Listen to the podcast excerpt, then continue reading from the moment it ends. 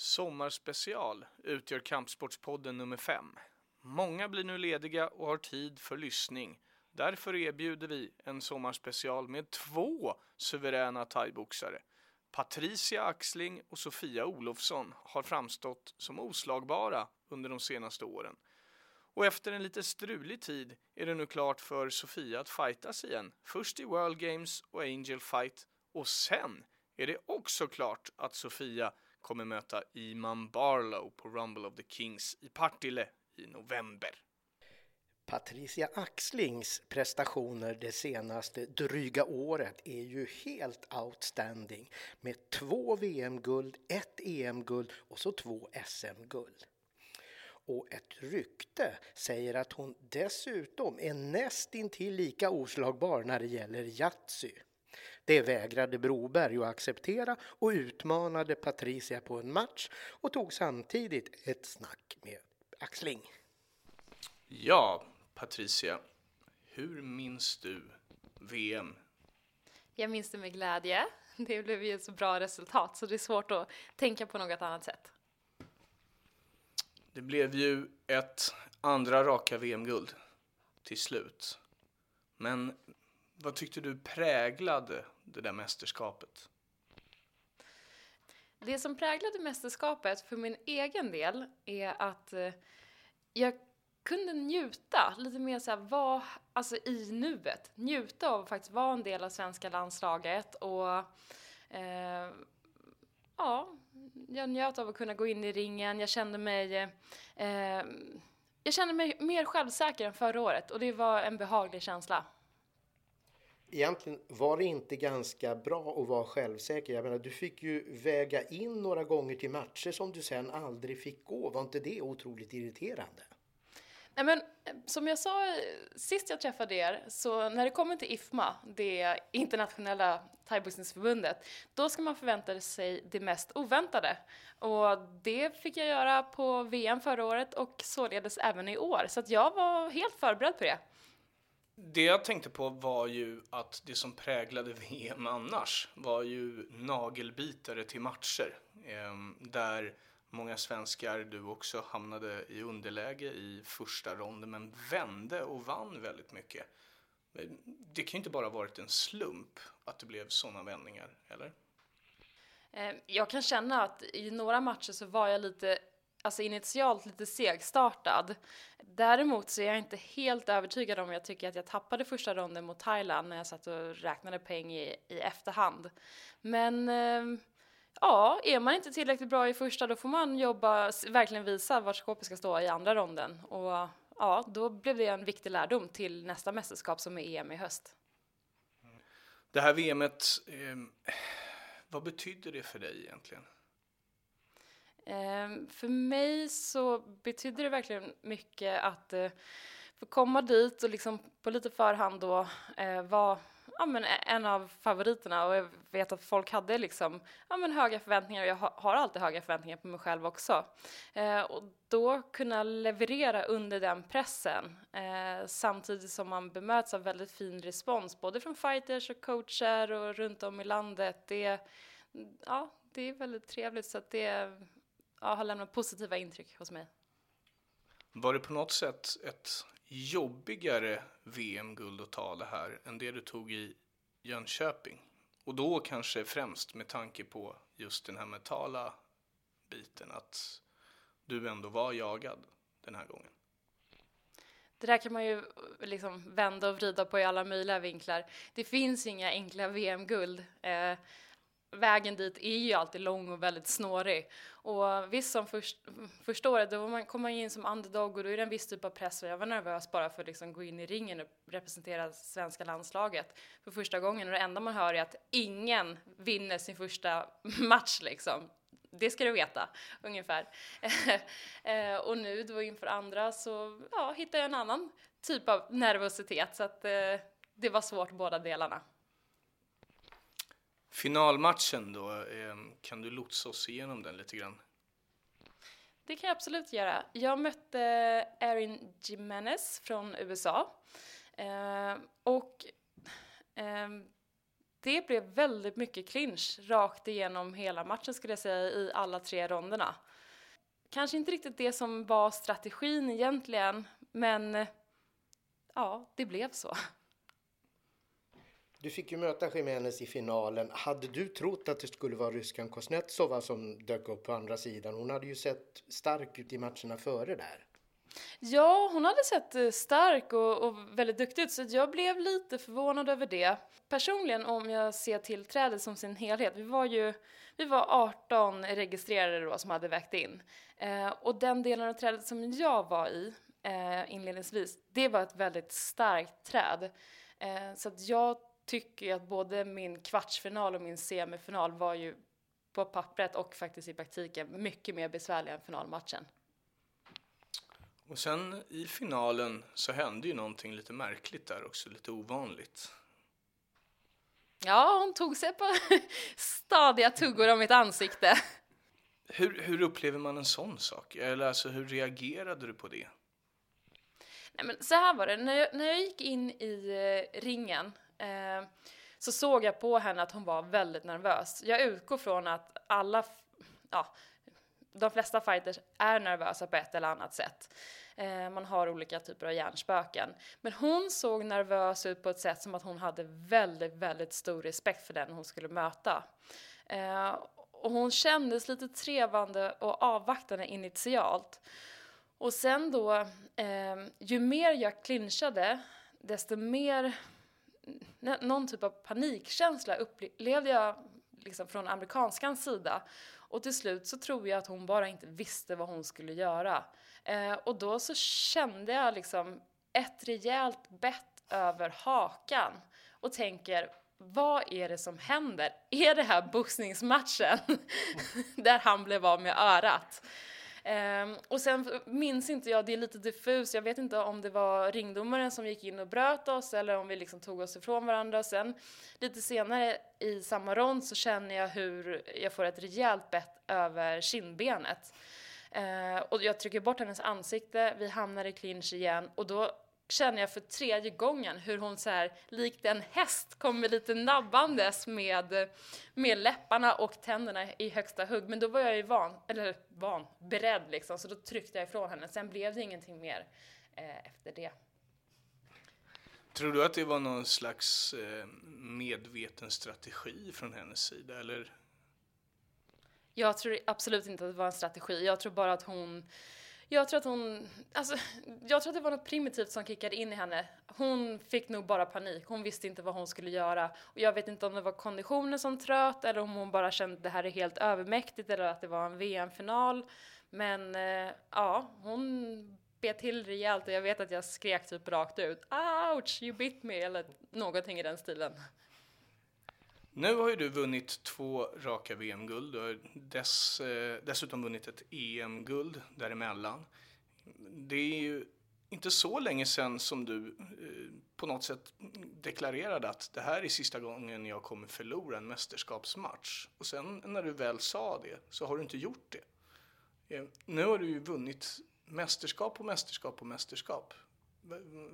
Vad blir nästa grej då för dig liksom, att vinna? Det som jag har inplanerat det är ju EM i höst eh, som är i Paris i oktober. Och eh, ja, har tydligt mål att ta ett guld även där. Och sen eh, efter det så får man väl eh, sätta sig ner och utvärdera vad kommer härnäst. En, en sak i taget. Jag funderar lite på, på, du har ju mästerskap och mästerskap och det är alltid något som väntar. Hur eh, håller du uppe motivationen till, eh, till nästa liksom, mästerskap och också underhållet av träningsmotivationen? Ja, det är lite det där som är speciellt med thaiboxning, för det finns inga ja, men, säsonger som det kanske finns i ja, många bollsporter och så vidare. Eh, så att jag, jag min lägsta nivå, alltså träningsmässigt, är väldigt hög. Jag ligger alltid, nästan alltid redo för att kunna ta en match med väldigt kort varsel. Eh, om någonting skulle dyka upp.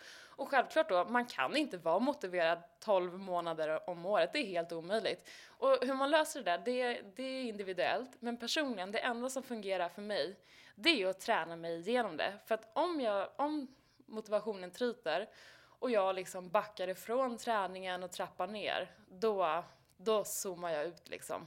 Så att jag, jag bara, jag, jag, går tillbaka, jag lutar mig tillbaka på rutinerna. Kliver upp på morgonen, genomför mitt löppass. Det kanske inte är med glädje, men jag gör det. Jag bara fortsätter med det lilla kugghjulet. Och sen så vet jag att det hittills alltid har vänt liksom. Så det, jag, eh, jag läste en, en gammal intervju med dig eh, just om motivationssvackor och så, att det är som mest efter något mästerskap eller en stor eh, vinst. Eh, hur, eh, jag antar att du tar lite vilopaus innan kugghjulet drar igång. Hur, hur, hur, hur bestämmer du hur mycket vila du ska få innan det ska börja igen? Det beror lite på vilket, eh, vilken tävling eller vilket mästerskap jag har deltagit på. Alltså det första jag gör efter jag tävlar det är alltid inventering av kroppen. Är man skadad eller är man skadefri? Eh, och lite det kan ju förstås avgöra när man sätter igång själva tränaren. Men personligen, det som har varit eh, det som har gjort att jag har varit mest trött, det har faktiskt varit det mentala. Så jag har känt mig så ganska mentalt urlakad eh, i typ en vecka efter varje mästerskap. Helt, helt slut i huvudet. Det är, liksom, det är så intensivt i en till två veckor, alltså då som mästerskapet pågår.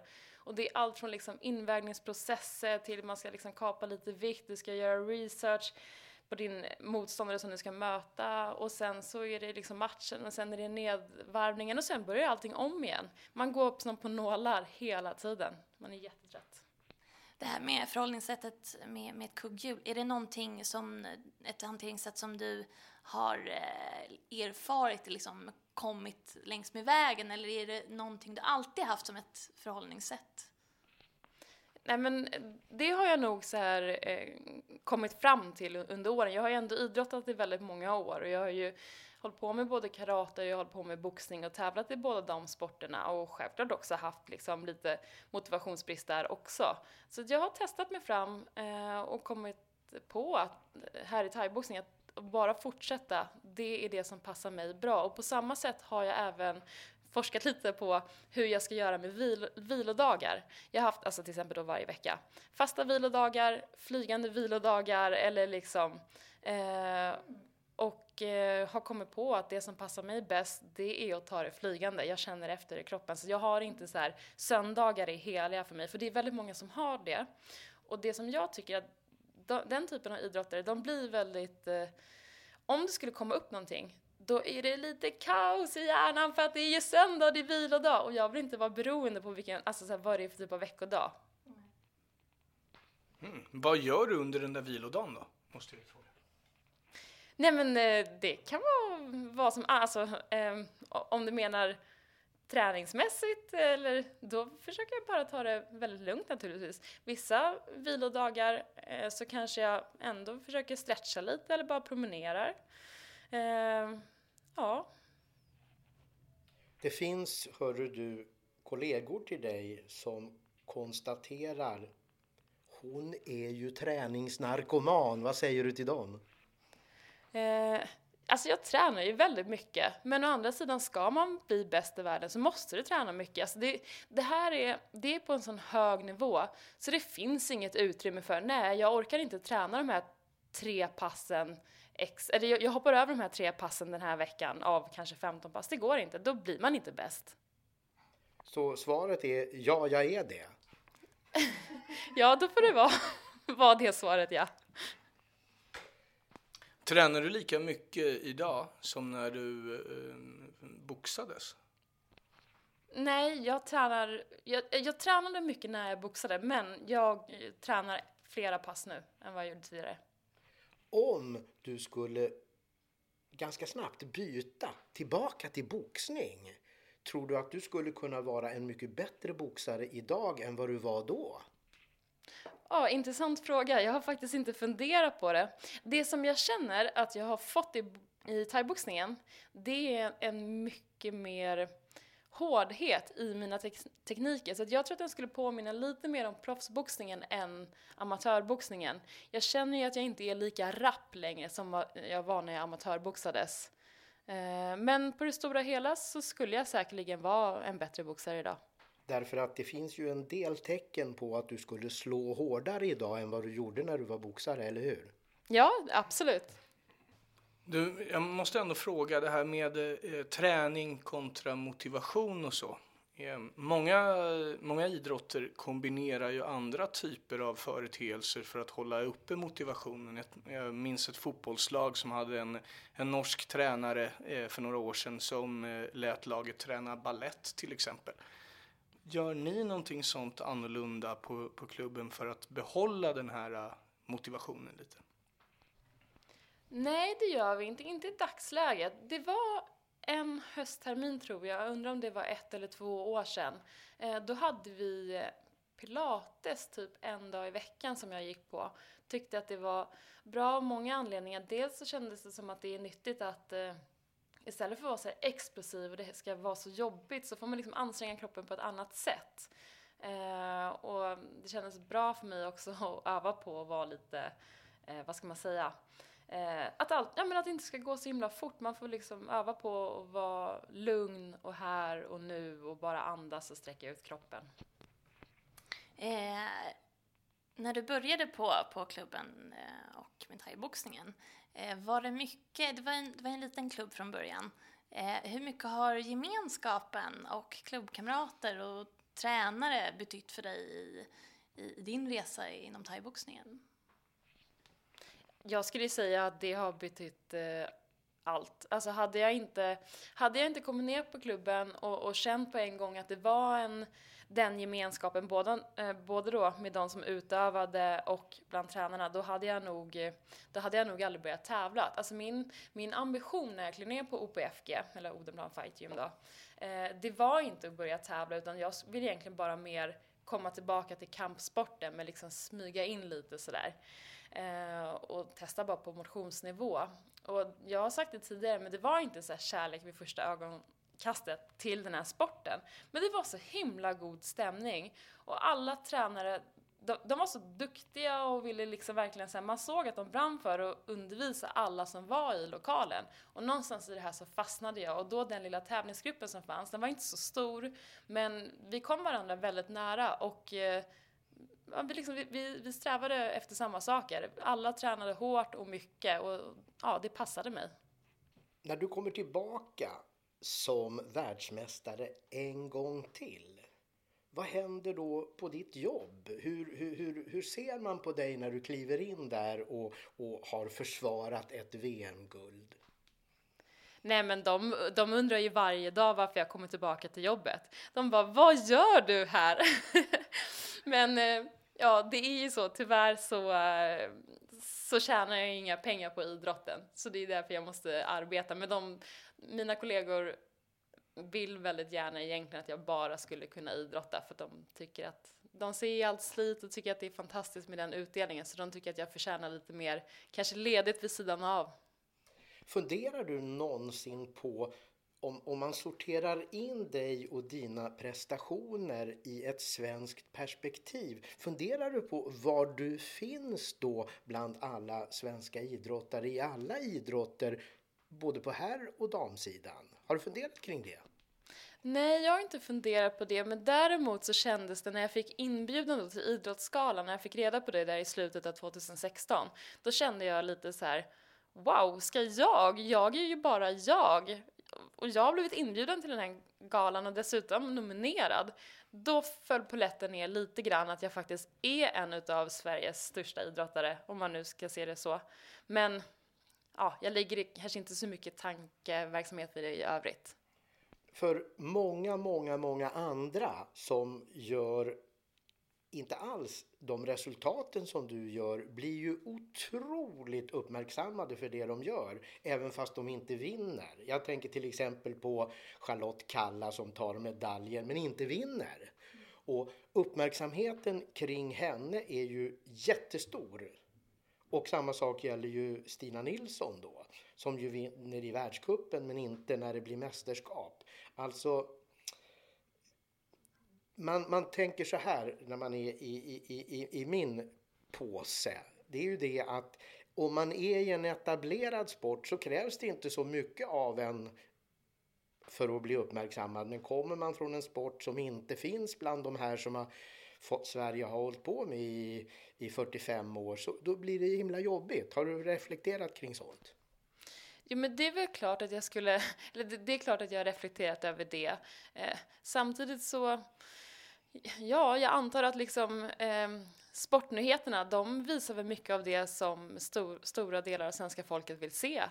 Eh, det kanske inte är alla i svenska folket som vet att de vill se kampsport. Eh, jag kan bara dra en snabb parallell för att jag är ambassadör för någonting som heter En frisk generation som går ut på att aktivera barn i en tidig ålder eh, till att röra sig eh, och gärna då tillsammans med sina familjemedlemmar. Och då har jag hållit lite thaiboxningspass ute i Haninge då för de är ungefär åtta år gamla ihop med deras mammor och pappor.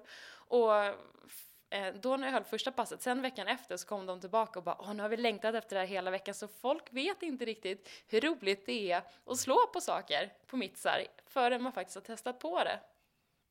Hur länge ser du att du kan leva det här spartanska livet du beskrev? Ja, eh, jag skämtar ju alltid att jag ser ut som att jag är 43 år gammal fastän jag är 29 och ett halvt. Så att jag vet inte hur länge jag kan leva det här livet men jag, så, så, länge jag får vara skadefri och så, så ser jag väl att jag i vart fall aktivt kanske håller på i i vart fall fyra år till. Jag bara gissar. Apropå skador, eh, har, du, har du haft några skador eh, sådär som, som har varit liksom väldigt påtagliga och, och karriäruppstoppande om man säger så? Inte så att jag liksom behövt operera mig, men det känns som att det är ju svårt att elitidrotta eh, och vara hel i kroppen. Det är ju liksom thaiboxningskroppen, eh, eh alltså om man ser till hur hållningen är, att man är väldigt framåtroterad, man blir kort i bröstmusklerna, eh, man rycker liksom mycket i nacken när man är inne och clinchar och kör den där stående brottningen. Det är ju inte alltid optimalt, så det är klart att jag har haft liksom ganska besvärliga skavanker som har varit jobbiga och särskilt inför förra VMet då, då var det stundtals ganska smärtsamt. Men eh, jag tycker att på senare tid, särskilt senaste halvåret när jag har lagt väldigt mycket fokus på rörlighetsträning och stretching så har det blivit mycket, mycket bättre. Och eh, alltså som genom något litet mirakel så var jag faktiskt helt skadefri efter VM i år. Jag förstår ingenting. Men det ska ju också handla om en utmaning i Yatzy där Broberg har föresatt sig att krossa myten om Patricia Axlings skicklighet när det gäller Yatzy-spelande. Och vi har en protokollförare och en enväldig domare i form av Annie Bondefelt. Hur känns det? Det känns väldigt spännande, Jag ser fram emot dagens match och jag hoppas att båda uppträder korrekt. Det ska i alla fall börja korrekt därför att högst är det som får börja spela. Ska ni kasta varsin tärning så får vi se vem det är som får fördel att börja. Broberg 5, Axling 2. Broberg inleder spelet. Slår med högen. Får upp två femmor i alla fall.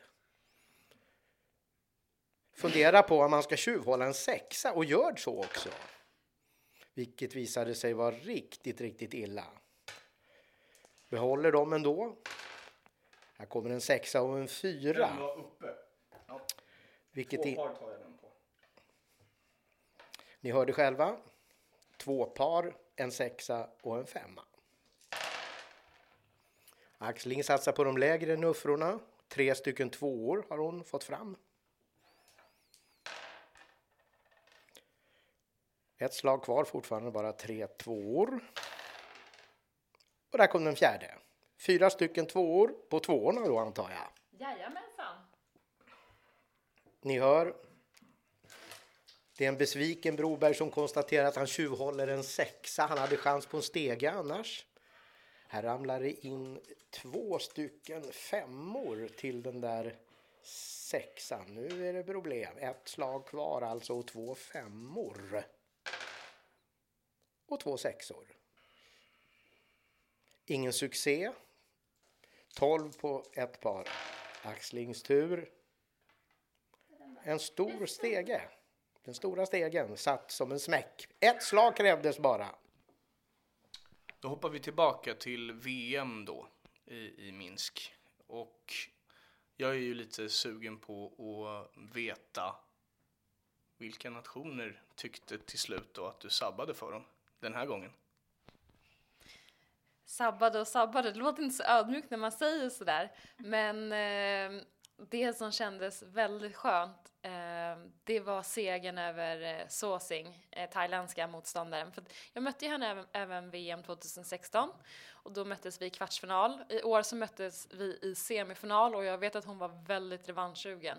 Eh, och därför så var det så skönt att bara kunna liksom leverera. Men eh, det var också kul att se hur min ena tränare Lex betedde sig inför den matchen. Han var väldigt uppe i varv. Det är ju viktigt att vinna över Thailand. Hur ser din ringhörna ut egentligen i matcher då med, med Lex och med Hans? Hur, hur beter de sig under dina matcher? Nej men alltså det är den bästa ringhörnan man kan ha. Alltså jag blir glad bara av att tänka på det. De är väldigt, väldigt engagerade och de vill väldigt gärna vinna också.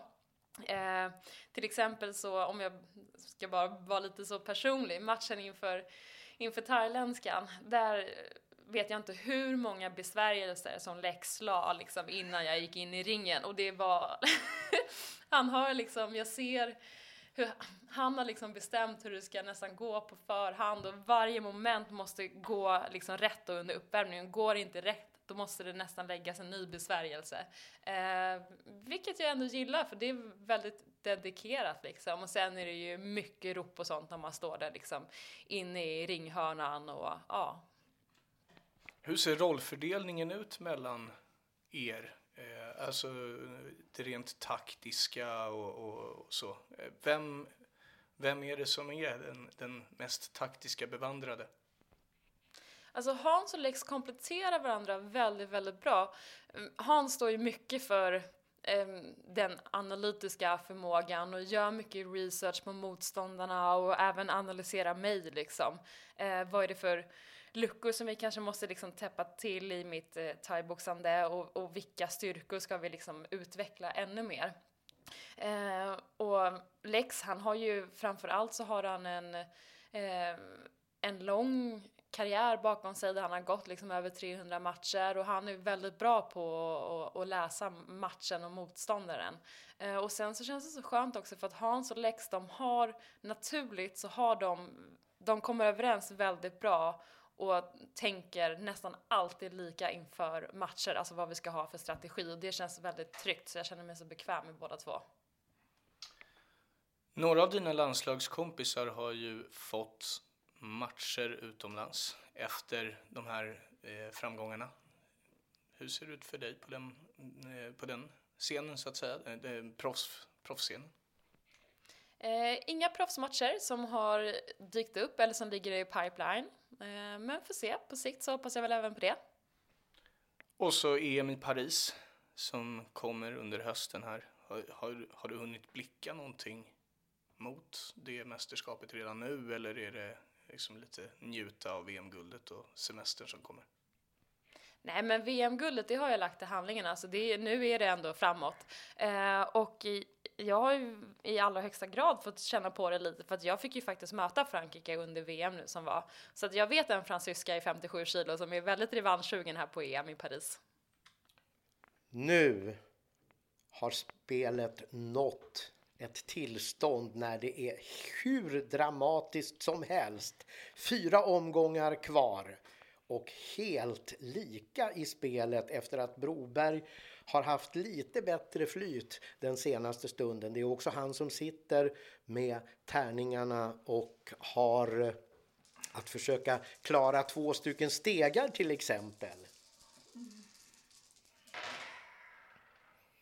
Då kommer det tre stycken femmor vilket ju ger en, i alla fall en Yatzy-chans om han vill chansa på det. Men han har inte chans kvar att sätta något på så nu gäller det att fundera.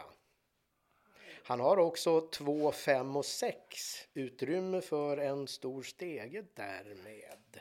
Men han spar femmorna. Två och fyra och ni hörde även i bordet.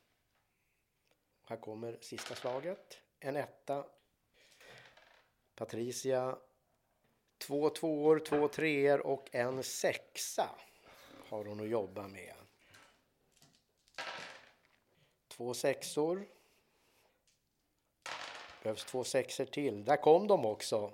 Det... Ja, men det är inte sant! Hon kan behärska sig väldigt bra, Patricia, för hon skriker inte när mikrofonen är på. Det bryr sig inte Broberg om, som ni märker.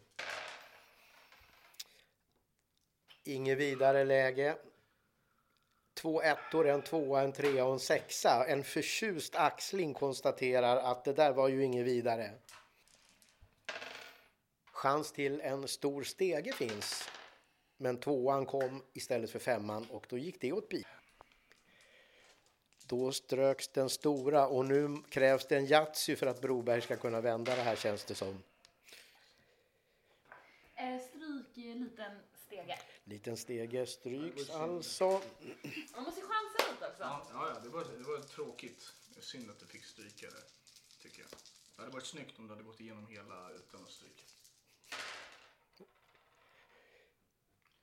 Nej, nu är det bara att chansa. Yatzy-chans. Tre stycken fyror för Broberg. Som blir fyra fyror. Nu kan spelet komma in i ett nytt läge. Ni hörde, det blev ingen fyra. Utan en trea. Patricias tur igen alltså. Två stycken sexor sparar hon. Och så två femmor på det. Två par. ja, men ta två par. Vi går för Yatzy. Kul spel. Två ettor, två tvåor och en trea fick han upp. Det är rätt snyggt om man lägger in Yatzy på sista tvåorna. Eh, gillat mig förr. Fast det kom ingen tvåa till den här gången så nu vill det till. Tre stycken tvåor måste till annars är Broberg en förlorare. Och det kom inte. Ja, en kommentar. Grattis till segern. Stort tack för det. Jag kände ju redan initialt här i, när matchen började att Broberg försökte liksom psyka med så här suckningar och liksom tänkte så här Alltså fastän han slog typ så här, vid, vid ett tillfälle slog han tre sexor i första slaget och så suckar han ljudligt. Men jag kände så här, jag tänker inte falla för det där. Jag är bättre än så. Och du då, förlorare mot Patricia Axling. Du hade ju tänkt att, att, att, att förinta den där myten, men vad säger du? Ja, jag ser mig fortfarande som en ganska bra Yatzy-spelare egentligen. Dags igen då i hetluften för Sofia Olofsson. Först World Games och sen en match i den lite mystiska turneringen Angel Fight i Thailand. Strax om den, men först World Games. Alltså World Games, hur rankar du den efter VM-guld, EM-guld och två proffstitlar? Eh, jag rankar den Eh, extremt högt gör jag. Nästan högre än alla mina proffstitlar och allting just för att eh, det är egentligen en chans jag kommer ha. Jag kommer nog inte köra den om fyra år igen. Eh, så att, eh, och det är de åtta bästa tjejerna i min viktklass så att det är klart jag rankar den som nog högst tror jag. Och jösses, och hur är då formen för att kunna lyckas där? Alltså jag är ju alltid kritisk och hård mot mig själv så att eh, jag är väl aldrig tillräckligt tränad. men eh, formen är väl bra men det är ju några veckor kvar så att eh, jag tränar på. Eh, att du i din senaste match gick i en annan viktklass, för det är ju det det är frågan om i den här Angel Fight-turneringen för din del. Spelar det någon roll? Är det någon nackdel eller är det en fördel? Alltså jag ser det egentligen bara som en fördel just för att eh, det, blir ju, det var ju tyngre liksom alltså att gå mot en i 57 istället för 54 men jag ser det bara som alltså, mer utvecklande faktiskt. Eh, du brukar ju vilja ha koll på dina motståndare. Eh, har du det nu så det räcker tycker du? Det tycker jag. Eh, några har jag mött eh, och några har jag sett väldigt mycket utav så att eh, eh, det är väl någon jag kanske inte riktigt vet vem det är men jag kommer nog titta till in henne liksom så. Och sen så får du ju se lite hur lottningen blir och så och efter, efter det så brukar jag ju studera dem lite. Sen så brukar jag inte fokusera kanske jättemycket liksom så på just vad de gör men jag vill ha en liten sån här grundplan och sen så och kanske den liksom skiter sig helt och då får man ju kunna ändra sig i matchen men jag vill alltid ha någon liten typ av grundplan. Jag vet ju att du lider av den press du sätter på dig själv. Eh, vad har du för, har du lärt dig av det där och har någon annan målbild nu när World Games kommer eller är det som vanligt? Nej, jag mår ju typ dåligt redan nu. gör jag. Men eh, alltså, samtidigt så tror jag att det alltså, är ändå ett sätt för min kropp att gå in i någon typ av fokus redan nu tror jag. Att man mentalt redan ställer sig in att ja, men nu är det dags liksom. Och det här är ju ändå så ganska viktigt för mig liksom. Så att eh, det är det här jag gör. Så att eh, jag tror ändå att även om fast det blir att jag mår dåligt så att eh, är det värt det i slutändan. Polen då som tävlingsland, hur känns det? Ja men det känns lite bra, alltså eftersom jag tog mitt eh, första IFMA amatörguld där, EM-guldet. Eh, så att på ett sätt så känns det lite tryggt att komma tillbaka. Det känns som det började bra där så kan det ju sluta bra där också. Thailand är ju ett annat land där du har nått triumfer. Eh, 2015 var det väl? Ja. Och eh, nu är det Thailand igen i Angel Fight-turneringen, den som är minst sagt utsträckt. 13 augusti mot den japanska. Hur känns det då?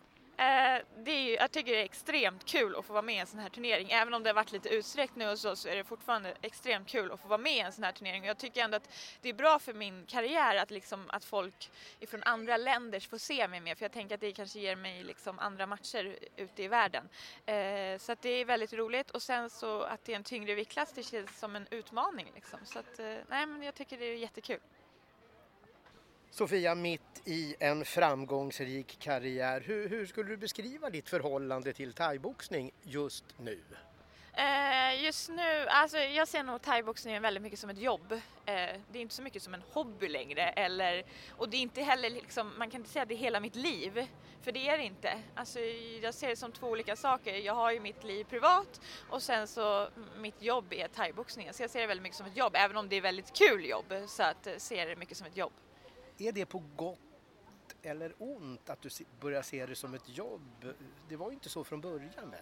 Nej, eh, och det har ju nog kommit mycket med liksom, alltså det som framgången eller vad man ska säga liksom att, eh, och sen pressen också att jag gör att det blir mer som ett jobb än men sen så blir det liksom också för att jag vill inte vara thaiboxning i, mitt vanliga liv eh, så det är nog mycket därför jag har satt det som ett jobb också liksom.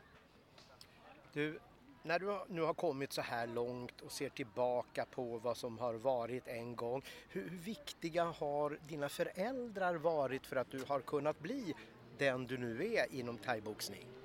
Alltså de har ju liksom låtit mig få hålla på med det här nu även fast eh, liksom, det inte ger mig några pengar. Så det är klart att de har hjälpt mig liksom, ekonomiskt också. Liksom. Och sen så, de tycker ju att det är väldigt kul också så det är ju klart att det ger ju dem någonting också. Men det är klart att de har hjälpt mycket ekonomiskt, har de gjort. Vad betyder Marcus då, eh, sambo?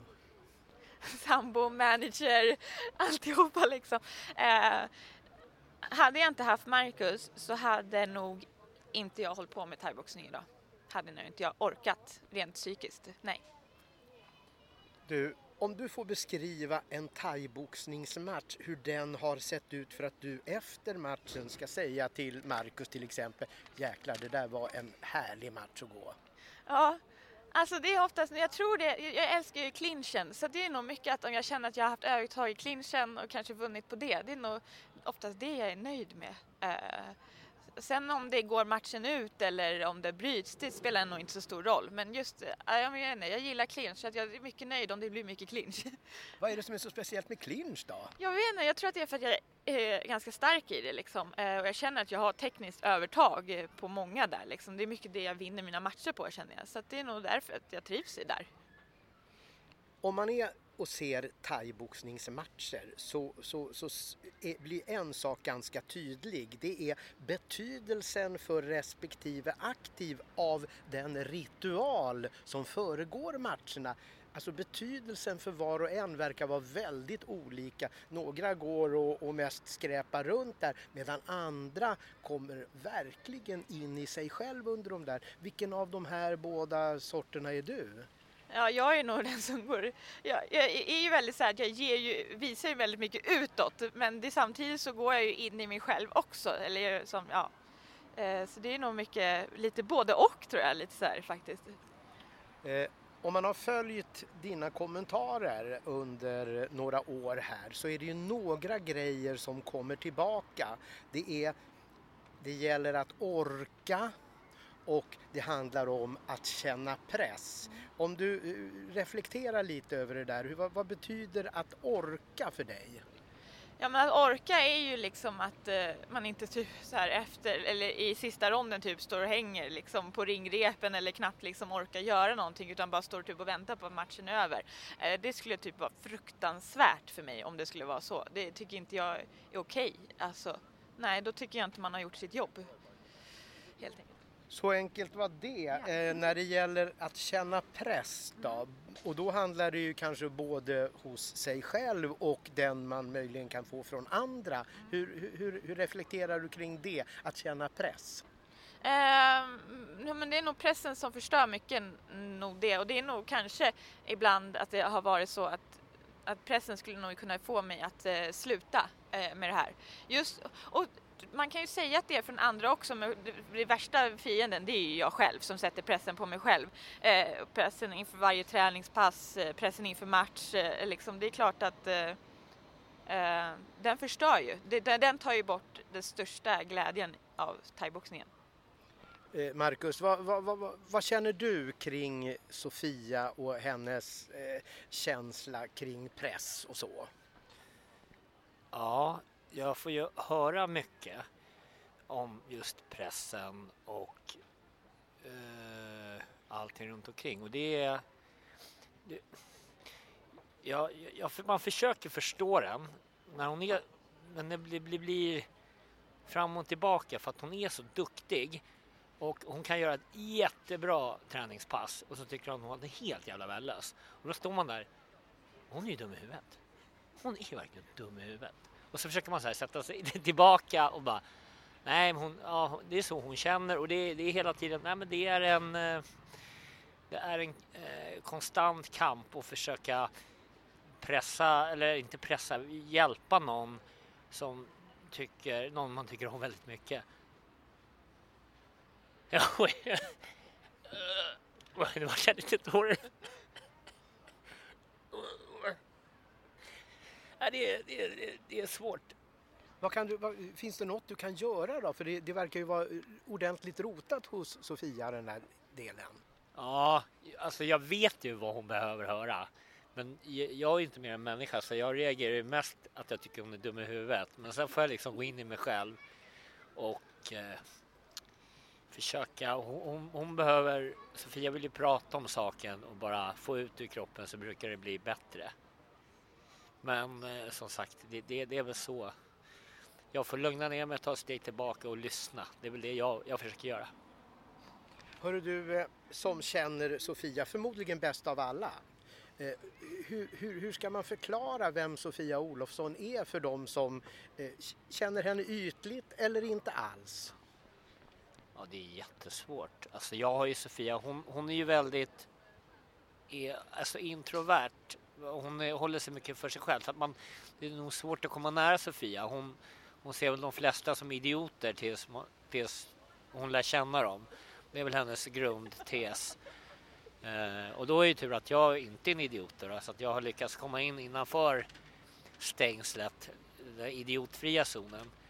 Och det är väl, det är väl så, hon är väldigt, eh, det, det, man, måste, man måste ta sig tid och hon är lite som ett rådjur, man får liksom så här närma sig långsamt. Eh, det är väl det. Det är väl där. Ja, så. Och sen utifrån, de flesta ser väl Sofia bara som en träningsmaskin som krossar allt motstånd. Men så, det är så mycket mer än så liksom. Ja, det, det, det, är det man är lite intresserad av därför att det, det, står ju nu fullständigt klart att Sofia Olofsson är en av Sveriges allra bästa idrottstjejer alla kategorier. Utom allt tvivel. Och då undrar man om alla andra hör man ju talas stup i kvarten. Det pratas ju så mycket om dem så att det är ju ingenting man vill veta nästan längre. Men, men här handlar det ju om en, om en tjej som har totalt undvikit alla radarskärmar som överhuvudtaget finns. Eh, vad skulle kunna, vad skulle kunna hända kring Sofia Olofsson tror du om, om alla visste vem, vem, vem det här var, vad hon kan och vad hon har med sig i bagaget? Ja, alltså. Vi jobbar ju hela tiden på att försöka liksom få fram henne också inom alltså, mer alltså, vanliga medier så att man vet att här har vi någon som gör någonting extraordinärt. Hon är liksom en, nej, hon är en superstjärna. Eh, hon tränar som ett heltidsproffs men eh, kan inte leva på det. Och då är det väl det som är tråkigt. Sen är det ju, det är ju en väldigt liten sport. Det är få, få tillfällen till att tjäna pengar men eh, det är ju, ja, nej men det, det skulle ju bara, det skulle bli, ja, skulle hon få chansen att visa upp sig så tror jag att det skulle bli, ja, det skulle bli jättebra för Sofia. Timid och älskvärd sa ju jag. Och annat fick ni höra från Marcus här. Men det finns en annan Sofia också. Och den personen dyker upp före matcherna. Eh, ni som kollade Sofia Olofsson i SVTs lilla reportage fick ju en hint om att det är lite scary person Sofia Olofsson förvandlas till inför matcherna. Men man fick inte riktigt klart för sig vad är det som händer under de där stunderna förutom att du gråter. Ja, gråter, men det gör jag ju nästan jämt, även sen om jag ska gå och träna eller vad det är liksom. Men eh, jag vet inte, det är någon typ av panik eh, för att jag vet inte, antagligen gå in i ringen. Alltså att, att så här, folk, jag kan tycka det är konstigt att folk bara, jag är inte rädd eller så här, för att åka på stryk eller jag är inte rädd för att bli knockad. Alltså det är klart det finns någon typ av rädsla längst bak i huvudet att det kan ju hända, det måste man ju vara medveten om. Och jag tror att det är mycket sånt där man börjar ställa, eh, kroppen ställer sig in på och sen så är jag liksom, som jag kan ju liksom, om jag går och bär på det, då blir det ju bara till slut att det exploderar. Så jag måste ju få ut på det och jag blir ju ganska otrevlig då. Först bölar jag och sen så gärna skriker jag och, och skäller både på Marcus och Lex och Henrik, stackarna liksom. Men eh, ja, men det handlar nog mycket om att jag får ut det och det har vi nog liksom också nu lärt oss på sistone att det är bättre att jag får ut det än att jag liksom inte säger någonting liksom. För sen när jag väl har fått ut det sen då, då kommer vi ju igång liksom. Så att, eh, ja och sen så när jag går in i ringen då har jag ju ingen känsla av det alls liksom. Då är det, som, då är det lugnt igen. Sådana där grejer dyker aldrig upp när det ska kokas pasta eller något va? Nej, det gör det ju inte. Det kan dyka upp Nej, nej, nej, det är väl i stort sett i samband med träningar. Då är det mycket, mycket, ja. Ja, mycket, mycket, ja. Nej, men det, det, det är det här pressen och mycket ångest som vi ska jobba oss igenom. Men sakta men säkert så börjar vi lära oss det också efter snart tio år. Du hade ju faktiskt en ganska lång handbollskarriär före det att du, att du började med thaiboxning. Och fanns de här tendenserna då när du spelade handboll före matcher och träningar att du ja, blev på det här viset? Nej, det var aldrig någonting sånt. Men det var ju inte så seriöst, alltså det var ju seriöst så, men det var ju mer, det var ju en hobby. Alltså det här är ju som sagt var inte en hobby liksom. Det här är ju det jag gör. Eh, så att, och sen så är det här viktigare än vad handbollen var. Handbollen var ju liksom kul grej, det var ju inte min grej ändå liksom. Eh, det här är ju min grej så att eh, nej, jag hade ingen tendens till det i handbollen alls. Vilken position hade du? Var du bra på handboll eller? I början var jag inte så bra men det, det tog sig nog mot slutet där. Men eh, jag spelade ju typ eh, kant, alltså sexa och, och mitt sexa linje också. Jag var ju ganska, jag var ju inte så stor liksom så att alla andra var ju mycket större så jag var ju mest snabb men jag var ju ändå liksom alltid där och alltså jag var ändå bland de tuffaste tror jag i laget. Det känns ju inte som en naturlig övergång när man byter sport att byta just från handboll till thaiboxning. Eh, men då var det något jobb på någon klubb ja. va? Ja precis. Eh, det var där jag började, då hade de thaiboxning där och det var så jag liksom Ramla in på det liksom. Eh, och det var inte alls så seriöst, alltså, även om jag hållit på i tio år, de, alltså första åren var ju inte liksom så här, alltså värsta satsande så liksom. Och jag hade aldrig tänkt att börja tävla heller liksom. Utan det var bara en kul grej att hålla på med liksom. Så att, eh, men så var det i alla fall. Marcus har ju varit inne på det att du tränar som ett proffs och jag, jag, jag tror inte riktigt att folk i gemen vet, alltså olika fighters som alltså både budosport och kampsporter, alltså hur mycket de tränar och hur väl tränade de är för det de ska göra. Skulle du kunna förklara för hur, hur en thaiboxare av, av, av din kaliber, hur ser en dag ut för en sån? Ja, alltså, ja, vad gör man? Man kliver upp och sen så åker man in och kör, oftast så kör jag mitts med min tränare Lex. Vi kör vi en timme liksom och det är också så här, man har alltid ångest inför det för man vet hur jobbigt det kommer bli liksom. Han typ mördar ju en liksom. Eh, så det är mycket det och sen typ hem och sen ja, sov, försök sova och återhämta sig. Så ja, på kvällen så kan det ju vara sparringpass liksom och då kör jag ju mycket liksom med tyngre och sådär för att liksom ja, bli starkare liksom. Eh, och då lägger man ju typ och håller på att avlida mellan ronderna liksom och sen så är det upp igen och köra liksom. Så det är mycket så det ser ut. Vad jag har förstått då, jag har ju smygpratat lite med Marcus här före, att du kan inte riktigt fightas med, med, med, med tjejerna där på, på, på Odenplan Fight Gym utan det blir tyngre killar för, för att de ska palla med dig, är det så? Jag vet inte. Jag, alltså, ja, men alltså jag trivs väldigt bra att köra. Jag har ju några killar som jag alltid kör med liksom, och som är till väldigt stor hjälp. Bland annat Kalle och Lenny liksom. Och de, eh, de har ju nog gett mig mycket utveckling så att de är tyngre och att även om jag kör på så är det som att jag inte rubbar dem liksom och det ger mig mycket liksom så att de är otroligt viktiga i min framgång. Hörru Marcus, eh, hon är inriktad på thaiboxning och så är ju du med på ett hörn därför att du är ju oftast i alla fall varje gång jag har varit på Odenplan Fight Gym så har jag sett dig där.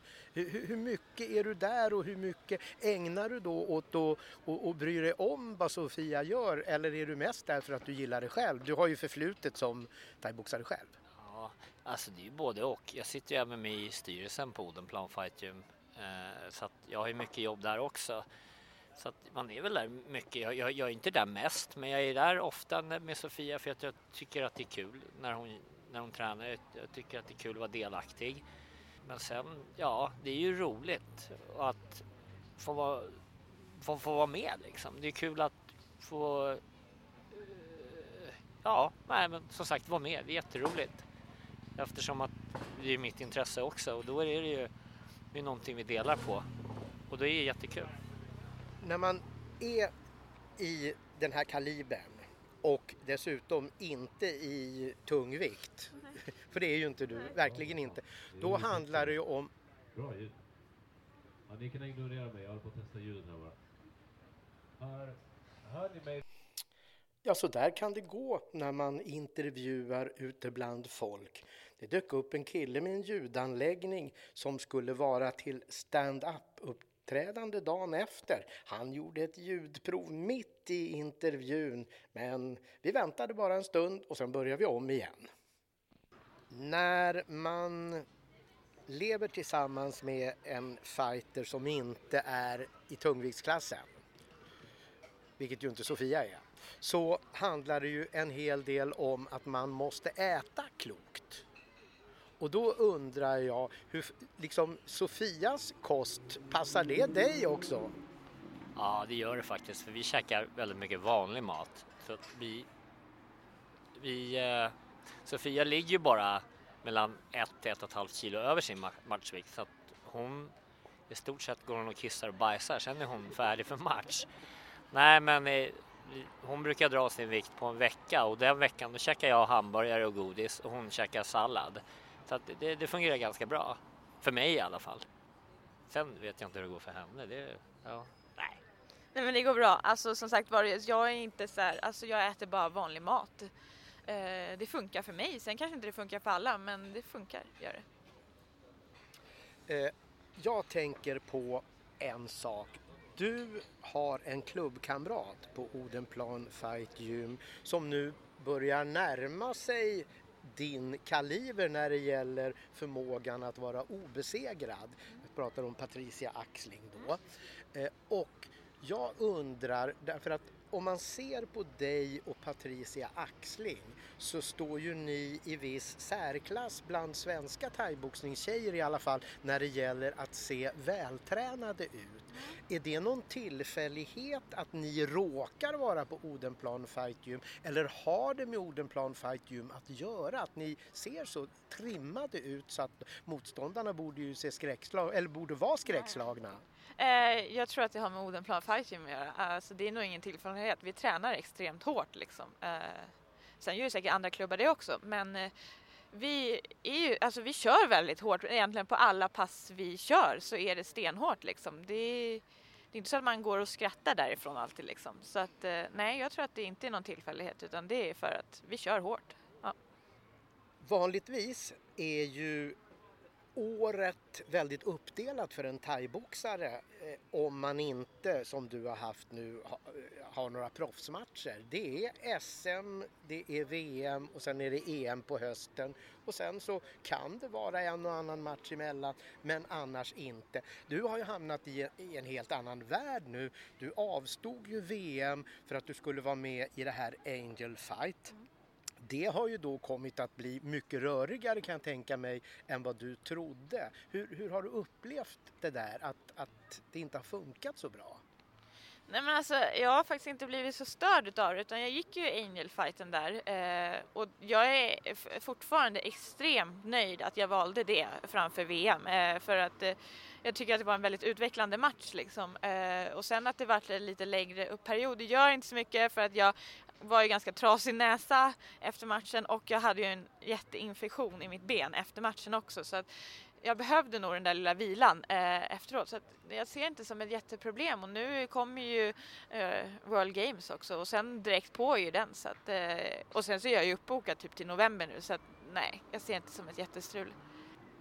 Ganska trasig näsa, eller rätt trasig näsa sa du. Berätta om det där och berätta om matchen. Ja, alltså matchen, eh, hon var ju southpaw, alltså hon står ju med, vad blir det, vänster, höger? Höger Ja, höger först tack. det är höger och vänster, man blir helt förvirrad. Eh, och eh, hon var boxare också eh, i grunden så att det, det, det var lite så här, första ronden var lite så spänd och svår att hitta liksom, för hon var lite avig. Eh, och sen så, då, så råkade jag få hennes skalle rakt över näsan och tänker nu går, nu är allting av liksom. Eh, men eh, ja, första ronden går och sen så jag får jag liksom snyta ut allt blod som kom och allt sånt där. Och sen efter då när jag fick gå in i andra då kändes det liksom bättre igen och jag hittade liksom tajmingen med sparkarna och clinchen och så så att då försvann nässmärtan liksom.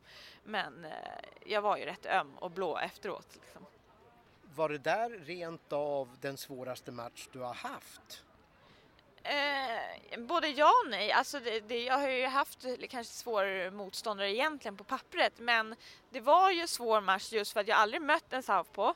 Eh, och sen att hon var boxare också. Det är ju ganska jobbigt för en thaiboxare att möta en boxare liksom. Eh, och sen det var ju väldigt, väldigt tunna handskar. Alltså det var ju sex osare då, så att eh, det kändes när man fick en smäll. Du, Eh, senaste gången man har en rapporterad förlust för din del det är ju Malaysia VM 2014, då vann du brons.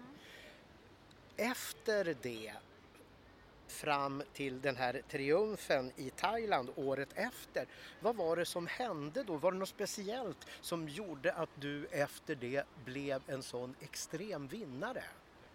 Uh, ja, eh, alltså jag kom, började nog träna mer med min, alltså en av mina nuvarande tränare Lex då. då. Uh, jag hade kört med han innan också, Malaysia, men inte på det sättet. Uh, så att jag hade nog börjat köra mycket mer med honom och jag tror att det är mycket, mycket, mycket, mycket tack vare honom att jag är där jag är idag. Absolut. Kan du Marcus som ju står Sofia väldigt nära hitta ytterligare skäl till att, att det hände någonting där mellan Malaysia och, och, och, och, och den där turneringen i Thailand? Nej, men det var nog som Sofia säger. Hon la in eh, ett annat fokus just på eh, träningen, speciellt med clinchen. Hon har alltid varit stark i clinchen.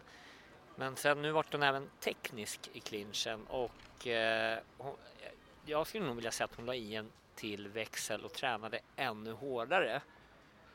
Eh, och lite så. Och sen är det ju faktiskt, nu måste jag bara, för jag är lite så här, hon, hon förlorade efter Malaysia också. Hon förlorade mot Fatima Pinto eh, på Gotland eh, i K1, en K1-match. Som, eh, det, det, bara för, rätt ska vara rätt. Eh, men efter, efter det så att det är väl bara Fatima hon har, hon har förlorat mot, eh, alltså på senare år. Eh, men annars, som sagt, nej men det var skiftningen till mer fokuserat mer på eh, med thailändska tränaren Lex eh, och lägg, la, la, till, hon vart, nej men hon liksom nu, nu jävlar, nu lägger vi en växel till som inte jag visste att fanns. Så att det, det, var, nej men det var, det var väl det. Vad gör ni när ni inte har thaiboxning i blicken då? Vad händer då? Då kollar vi på TV. Melodifestivalen mycket tittar vi på. Och så tittar vi mycket på eh, även här, det stora äventyret var riktigt roligt på SVT med fåglarna, fågelskådningen där. Riktigt bra program.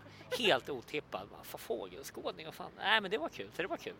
det var mycket TV, mycket ta det lugnt nu när Sofia, vi orkar inte göra, eller jag orkar göra mycket, men Sofia orkar inte göra så mycket annat än att bara ta det lugnt. Mycket, mycket TV, ta det lugnt liksom. Hur är det då som livskvalitet att, att inte orka så mycket annat än träna och träna? Alltså det är klart att det inte alltid är så himla kul att det, typ, det är det man typ orkar göra, att man verkligen aldrig gör någonting annat. Men samtidigt så är det fantastiskt skönt med typ så här, alltså typ bara vara i soffan eller typ vara hemma och städa.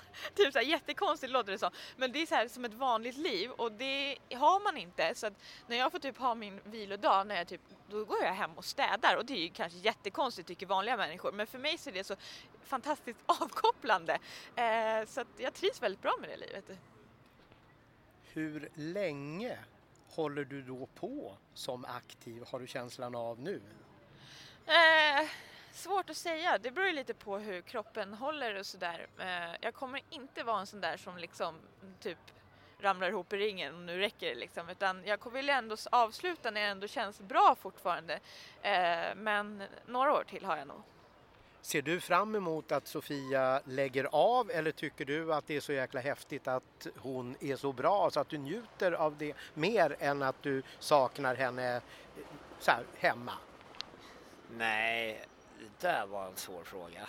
Nej, men jag, jag, jag, jag har ju samma inställning som Sofia. Det är bättre att lägga av, köra en Björn Borg, lägga av när man är bäst. Fast kanske inte när man är 27. Nej, men eh, du, ja. Nej, men jag, jag, tycker att det är sunt av Sofia att tänka så att eh, vi kör så länge kroppen mår bra, för man har ett liv efter också. Det är, det det det är ju inte, det är ingen hälsosam sport. Elitidrott är ju inte hälsosamt eh, i sig. Så man har ett liv efter och vi, vi vill ju kanske även längre fram eventuellt ha en familj tillsammans också. Då vill inte jag ta hand om allt. för att hon inte för hon sitter i rullstol och är gaggig liksom.